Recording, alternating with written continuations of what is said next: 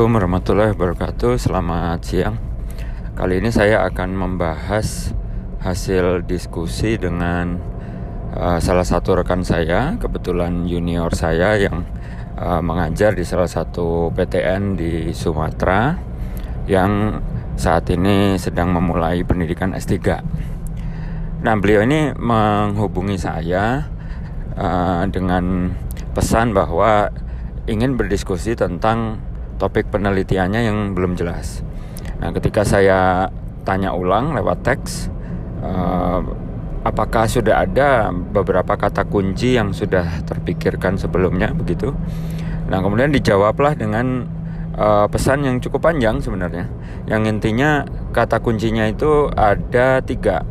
Yang pertama adalah water resilient, yang kedua adalah regional planning.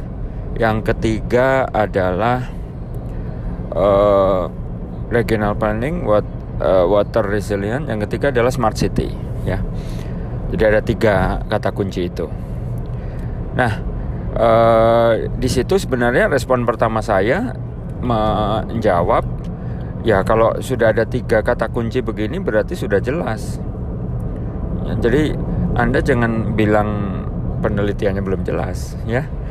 Jadi penelitiannya sudah jelas, tapi belum dikembangkan lebih lanjut. Nah, begitu mungkin kalimatnya.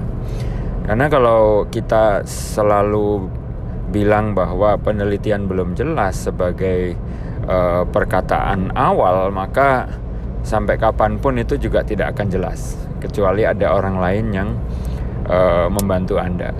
Nah, jadi itu masalah psikologi ya, ya yang menjadi pengalaman saya dan sering saya sampaikan juga gitu. Baik, kembali ke rekan saya tadi. Jadi kata kuncinya ada tiga: water resilient, uh, regional planning, dan smart city.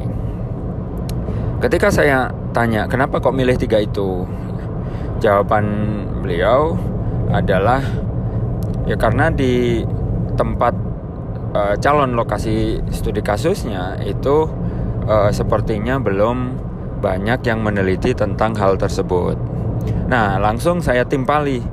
Nah, apalagi kalau Anda ini sudah punya lokasi atau calon daerah untuk studi kasus, artinya penelitian Anda ya sudah jelas. Ya, bukan tidak jelas lagi, tapi jelas. Ada kata kunci yang mencakup beberapa topik dan subtopik dan ada lokasi. Ya, berarti udah jelas itu. Nah, menurut beliau di lokasi calon uh, studi kasusnya ini belum banyak penelitian tentang hal tersebut. Nah, uh, di sini saya respon uh, dengan perka pernyataan bahwa hati-hati ketika Anda menyebut belum ada atau masih sedikit penelitian yang berkaitan dengan ide proposal Anda. Ya, itu hati-hati. Kenapa? Karena kita ini mungkin mahasiswa entah ada berapa ribu, berapa juta, berapa belas, berapa puluh juta mahasiswa S3 mungkin ya sedunia ini gitu. Sebelum-sebelumnya sudah ada banyak entah berapa jumlahnya ya peneliti yang sudah melakukan penelitian sebelumnya. Jadi sangat sangat sangat kecil kemungkinan apa yang kita pikirkan itu belum pernah dipikirkan oleh orang lain. Ya, jadi sangat sangat sangat kecil kemungkinannya.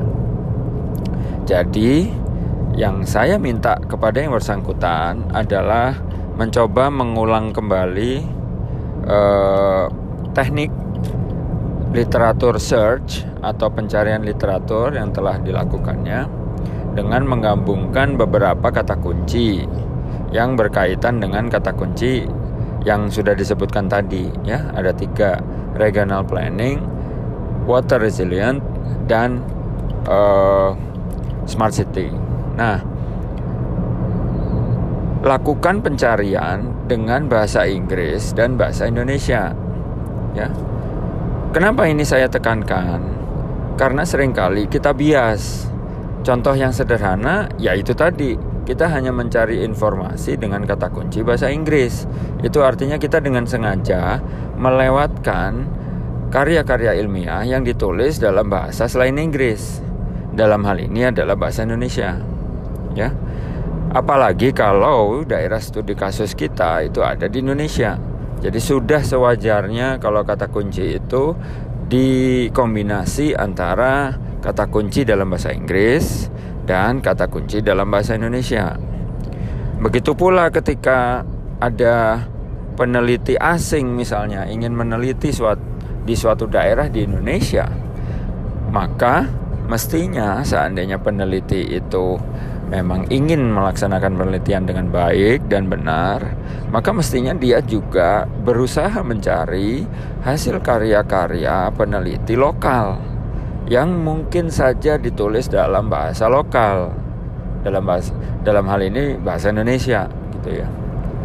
Nah, jadi saya ulang kembali bahwa saya ingin rekan saya itu melakukan pencarian literatur ulang dengan mengkombinasikan kata kunci-kata kunci yang dia sudah tangkap plus e, penggunaan bahasa Inggris dan bahasa Indonesia.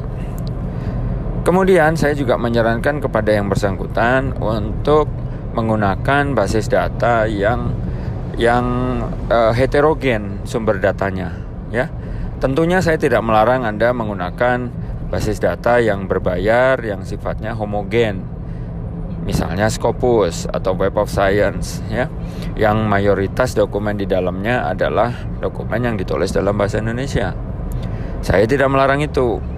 Yang saya minta adalah gunakan juga pangkalan data ilmiah yang lain yang besar kemungkinan bisa menangkap karya-karya yang tidak ada di Scopus dan Web of Science. Ada banyak pangkalan data yang bisa dipakai. Misal, Lens, Dimensions, dan tentu saja ada Google Scholar dan Microsoft Academics. Nah, kembali lagi ke kasus yang sedang kita bicarakan sekarang. Jadi ketika uh, yang bersangkutan rekan saya ini uh, telah melakukan pencarian ulang dengan dengan berbagai kata kunci dan penggunaan bahasa Inggris dan bahasa Indonesia.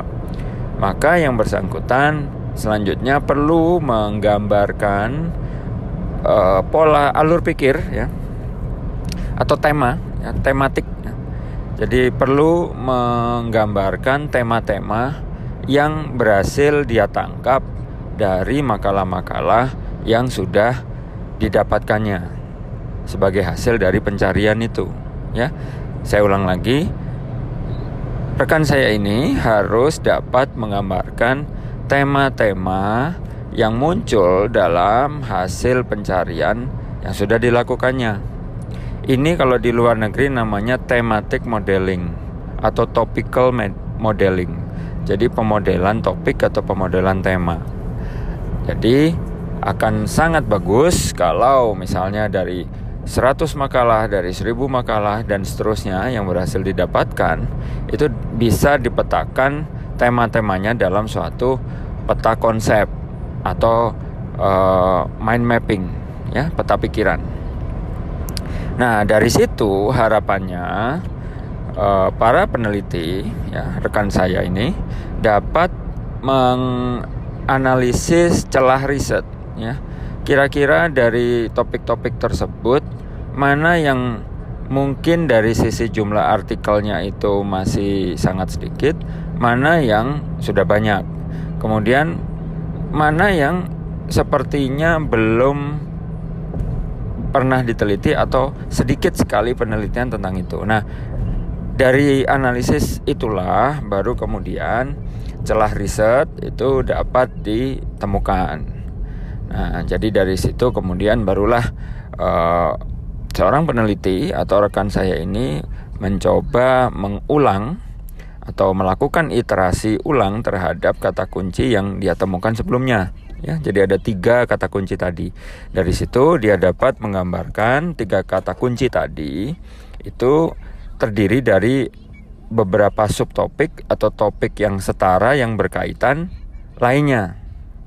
Bisa dibayangkan ya dari tiga topik atau tiga kata kunci yang muncul di awal, mungkin itu bisa berkembang menjadi subtopik yang lebih rinci atau dapat dikaitkan dengan topik lain yang setara tingkat uh, ininya, tingkat kedetilannya. Nah, dari situ uh, rekan saya ini diharapkan lebih dapat memahami apa yang terjadi dari sisi penelitian untuk tiga kata kunci yang dia pikirkan sebelumnya.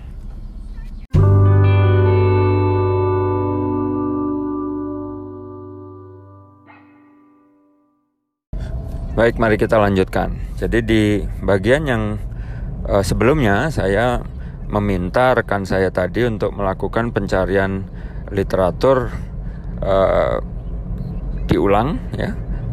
Saya minta beliau untuk mengulang pencarian literatur dengan mengkombinasikan beberapa kata kunci dan menggunakan bahasa Inggris dan bahasa Indonesia. Nah, dari situ kemudian yang bersangkutan dapat mengembangkan uh, peta pikiran atau mind mapping terhadap tema-tema yang berhasil uh, dibaca dari artikel-artikel yang berhasil ditemukan di pangkalan data yang digunakannya ya. Jadi ada pencarian literatur, kemudian ada tema-tema yang berhasil diekstraksi, kemudian digambarkan ke dalam suatu peta pikiran. Nah, dari situ diharapkan yang bersangkutan dapat me, memikirkan kembali atau menelaah ulang apakah kata kunci yang di sudah disampaikan di awal tadi ya itu memang adalah kata kunci yang dapat dilanjutkan menjadi penel sebuah penelitian S3. Nah, jadi kurang lebih seperti itu. Nah, hal berikutnya yang menjadi perhatian kami berdua adalah bagaimana kita dapat mengevaluasi kembali hasil pemikiran tersebut ya. Jadi setelah ada peta pikiran, ada tema-tema yang terkait, ada subtema-subtema yang berkaitan begitu ya, membentuk suatu peta pikiran yang mungkin sangat kompleks begitu ya. Nah, bagaimana kita bisa mengiterasi uh, hasil pemikiran tersebut untuk mendapatkan da berdasarkan pendapat dari orang lain ya. Nah, rekan saya ini termasuk salah satu yang sudah melakukan itu sebenarnya ya yaitu dengan menghubungi saya. Namun demikian akan lebih bagus lagi kalau uh, proses uh, evaluasi tersebut bisa di disampaikan kepada banyak orang secara simultan sehingga masukan-masukan uh, pun diharapkan cukup banyak dari berbagai pihak. Oleh karena itu saya sarankan kepada yang bersangkutan untuk banyak-banyak mempresentasikan ide tersebut dalam suatu seminar atau konferensi. Atau yang bersangkutan juga bisa membuat acara uh, webinar sendiri begitu uh, agar kemudian uh, apa idenya itu bisa mendapat perhatian dan kemudian harapannya mendapat masukan dari para peserta atau para hadirin. Nah, ini adalah salah satu cara yang saya rekomendasikan kepada para peneliti pemula agar penelitiannya itu makin cepat dimulai. Ya. Dan makin apa relevan dengan kondisi yang sekarang terjadi Demikian Ibu dan Bapak sekalian, terima kasih sudah mendengarkan. Semoga bermanfaat. Selamat siang. Assalamualaikum warahmatullahi wabarakatuh.